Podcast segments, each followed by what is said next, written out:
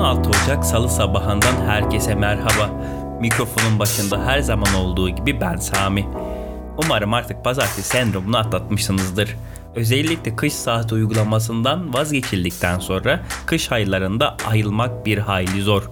Bu arada kış demişken bu sene pek bize uğramadı sanki. Normalde bu aylarda Ankara'da ya kar olur ya da ruhumuzu kesen bir ayaz. Fakat ikisi de yok. Ocak ayında dereceler eksi 5 yerine 11-12'yi gösteriyor.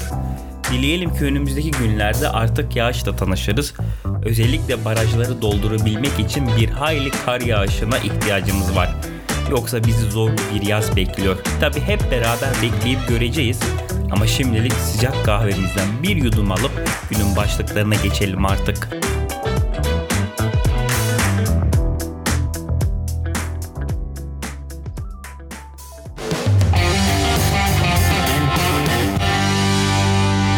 Aşı günlükleri Endonezya'nın Gıda ve İlaç Kurumu BIPOM, Türkiye'de de test edilen Çin'in Sinovac isimli şirketinin geliştirdiği koronavirüsü aşısına acil durum onayı verdi. İnsanların üzerinde yapılan denemelerin yapıldığı son aşamadan gelen ilk sonuçlara göre aşının etkili olduğunu açıklayan BIPOM'un başkanı Penny K. Lukito, aşı insan üzerinde son denemelere göre %65.3 oranında etkili dedi. Çin'in merakla beklenen aşısı Endonezya ile birlikte Brezilya ve Türkiye'de de test ediliyor. Geçtiğimiz haftalarda Çinli yetkililer bütün ülkelerden gelen sonuçların toparlanarak değerlendirilmesi için resmi açıklamayı ertelemişti. Aşının etkililik oranını ilk açıklayan ülke Türkiye olmuş ve etkililik oranı %91.25 olarak kayıtlara geçmişti. Türkiye'nin bu açıklamasından sonra Brezilya aşının etkililik oranını %78 olduğunu duyurmuştu. Bu durumda akıllarda tek bir soru var. Kim doğruyu söylüyor, kim yalancı? Hele ki en geç cuma günü aşı kampanyasının başlayacağı ülkemizde bu soru daha da ehemmiyet kazanmış durumda. Fakat sağa sola bakıyorsunuz elle tutulur hiçbir veri yok. Zaten aşının üreticisi bile aşıya pek güvendiği en azından şu an için söylenemez. Diğer yandan Pfizer ile birlikte Covid-19 aşısı geliştiren biyoteknoloji şirketi BioNTech 2021 aşı üretimini 2 milyar doza yükselteceğini açıkladı.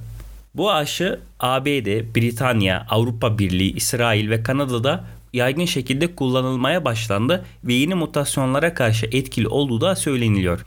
Peki biz bu aşıdan kaç adet sipariş verdik? Konuşulan rakam 3 milyon ama kesin bir şey yok. İşte üretim kapasitesi arttıkça alacakmışız da ama daha karar vermemişiz de muş muş muş da mış mış mış. Ali Cengiz oyunlarına devam. TÜİK'in açıkladığı verilere göre Türkiye'de işsizlik oranı Ekim döneminde %12,7 oldu. İşsizlik oranı bir önceki döneme göre değişim göstermezken yıllık bazda %0.7 puan düşüş kaydetti. Ekim döneminde genç işsizlik %24,9 ve tarım dışı işsizlik %14,8 olarak kayıtlara geçti. Ama burada ama diyorum çünkü aynı TÜİK istihdam edilenlerin sayısı 2020 yılı Ekim döneminde bir önceki yılın aynı dönemine göre yani 2019'a göre 896 bin kişi azalarak 27 milyon 447 bin kişi istihdam oranı ise 2,3 puanlık azalış ile %43,6 olduğunu söylüyor. Bu dönemde istihdam edilenlerin sayısı tarım sektöründe 242 bin, sanayi sektöründe 82 bin, hizmet sektöründe 684 bin kişi azaldı. Tabi haberimin medyası için bu verilerin ilk satırı önemli sadece. O da işte işsizlik %12,7 oldu düştü hülog. Ne bir gazete ne de bir televizyon aynı dönemde istihdamın neredeyse 1 milyon azaldığının altını çizmeyecek, daha doğrusu çizemeyecek. Ayrıca her dört gençten biri resmi olarak işsiz olduğunu da kimse konuşmayacak. Buradan sesleniyorum. Ey TÜİK bin bir türlü takla ile her gün daha da kötüleşen ekonomik durumu jet motorları takmış uçuyor gibi göstermekle bir yere varamazsın. Ekonomi bilimi böyle işlemiyor ama yine sen bilirsin.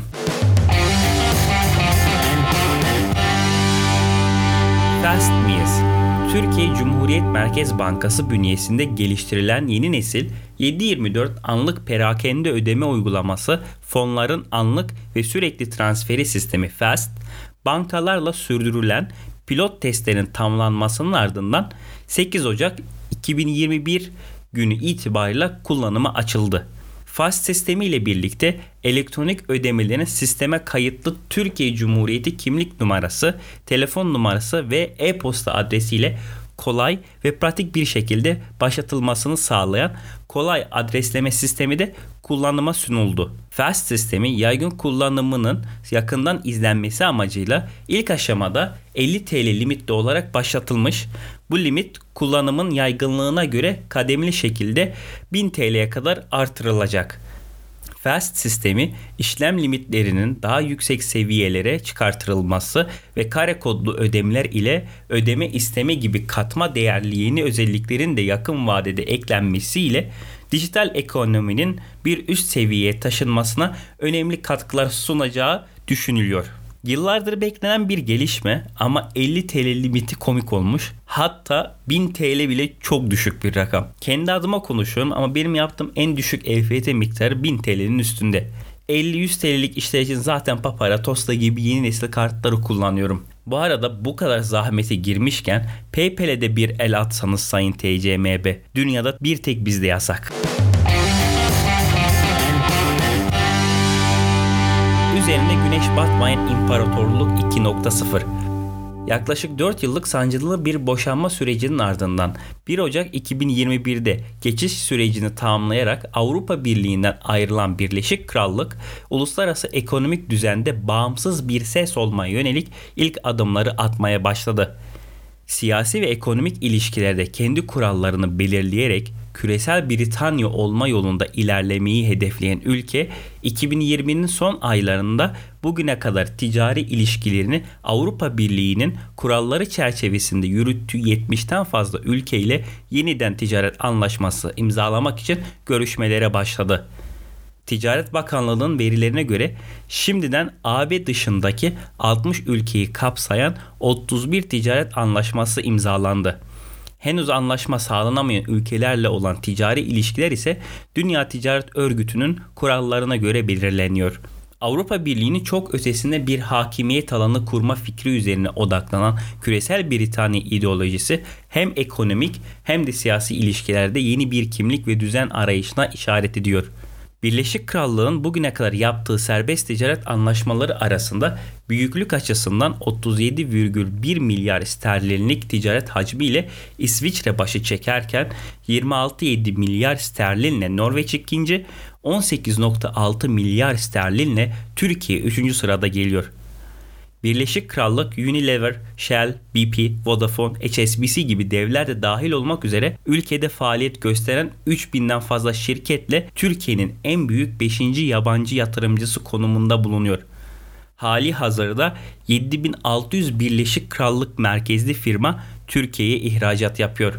Özetle anlıyoruz ki tarihin gördüğü en büyük imparatorluğun üzerinden bir hayli zaman geçmiş olmasına rağmen imparatorluk sevdası İngiliz devletinin genetik kodundan hiç ama hiç eksilmemiş.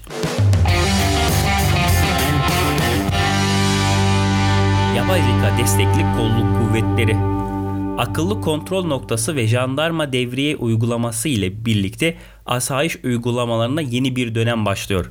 Anadolu Ajansı'nın haberine göre Aselsan ile Cumhurbaşkanlığı Savunma Sanayi Başkanlığı arasında Jandarma Entegre Muhabere ve Bilgi Sistemi JEMUS 5 İl Projesi Sözleşmesi Sözleşme Değişikliği 1 adlı bir sözleşme imzalandı.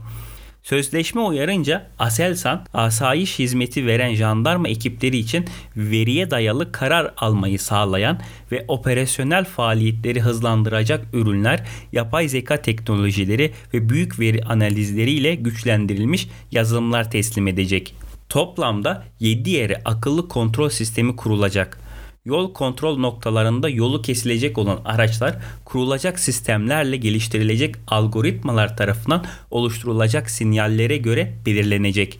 Durdurulan araçların ve içindeki kişilerin kontrollerinde de Aselsan ürünleri kullanılacak. Uygulama için yaka kamerası, araç içi yüz tespit kamerası, akıllı devriye, mobil ve web uygulaması, büyük veri depolama, plaka tanıma sistemi, jandarma yüz tanıma uygulaması ve yüz izleri veri tabanı, ağ kayıt cihazları ve video sunucu sistemlerinden ve bilişim altyapılarından yararlanılacak. Bu haberde dikkat etmemiz gereken husus algoritmaların ne şekilde eğitileceği. Zaten şu an bu tarz sistemlerin dönüp tıkandığı nokta algoritmaların ön yargılı bir şekilde geliştiriliyor olması. Mesela ABD ve Avrupa'da geliştirilen sistemlerin çoğu siyahi bir insanı beyaz birine göre daha yüksek oranda potansiyel suçlu olarak işaretliyor. Her ne kadar bizde böyle bir ön yargının olacağını düşünmesem de algoritmalar kimlik, etnik köken gibi verileri yahut yandaş muhalif profiline göre eğitilirse o zaman bu sistem fişlemek dışında hiçbir işe yaramaz. Umarım böyle bir şey olmaz. Evet sevgili dinleyenler, bugünlük bana ayrılan sürenin sonuna gelmiş bulunmaktayız. Gönül isterdi ki sizlere her sabah iç açıcı haberler sunmak fakat ne yazık ki Skandinavya'da yaşamıyoruz. Bizim de kaderimiz böyle işte. Ama her şeye rağmen sizlere sağlık ve huzurlu bir gün diliyorum. Eğer bu podcast'i beğeniyorsanız lütfen arkadaşlarınızla da paylaşın ki onlar da bizim aileye katılsın. Ayrıca Yeni Nesil Online'ın sosyal medya hesaplarını takip etmeyi unutmayın. Bizi Instagram, YouTube, Twitter ve Facebook'ta bulabilirsiniz. Yarın görüşene dek esen kalın, hoşça kalın.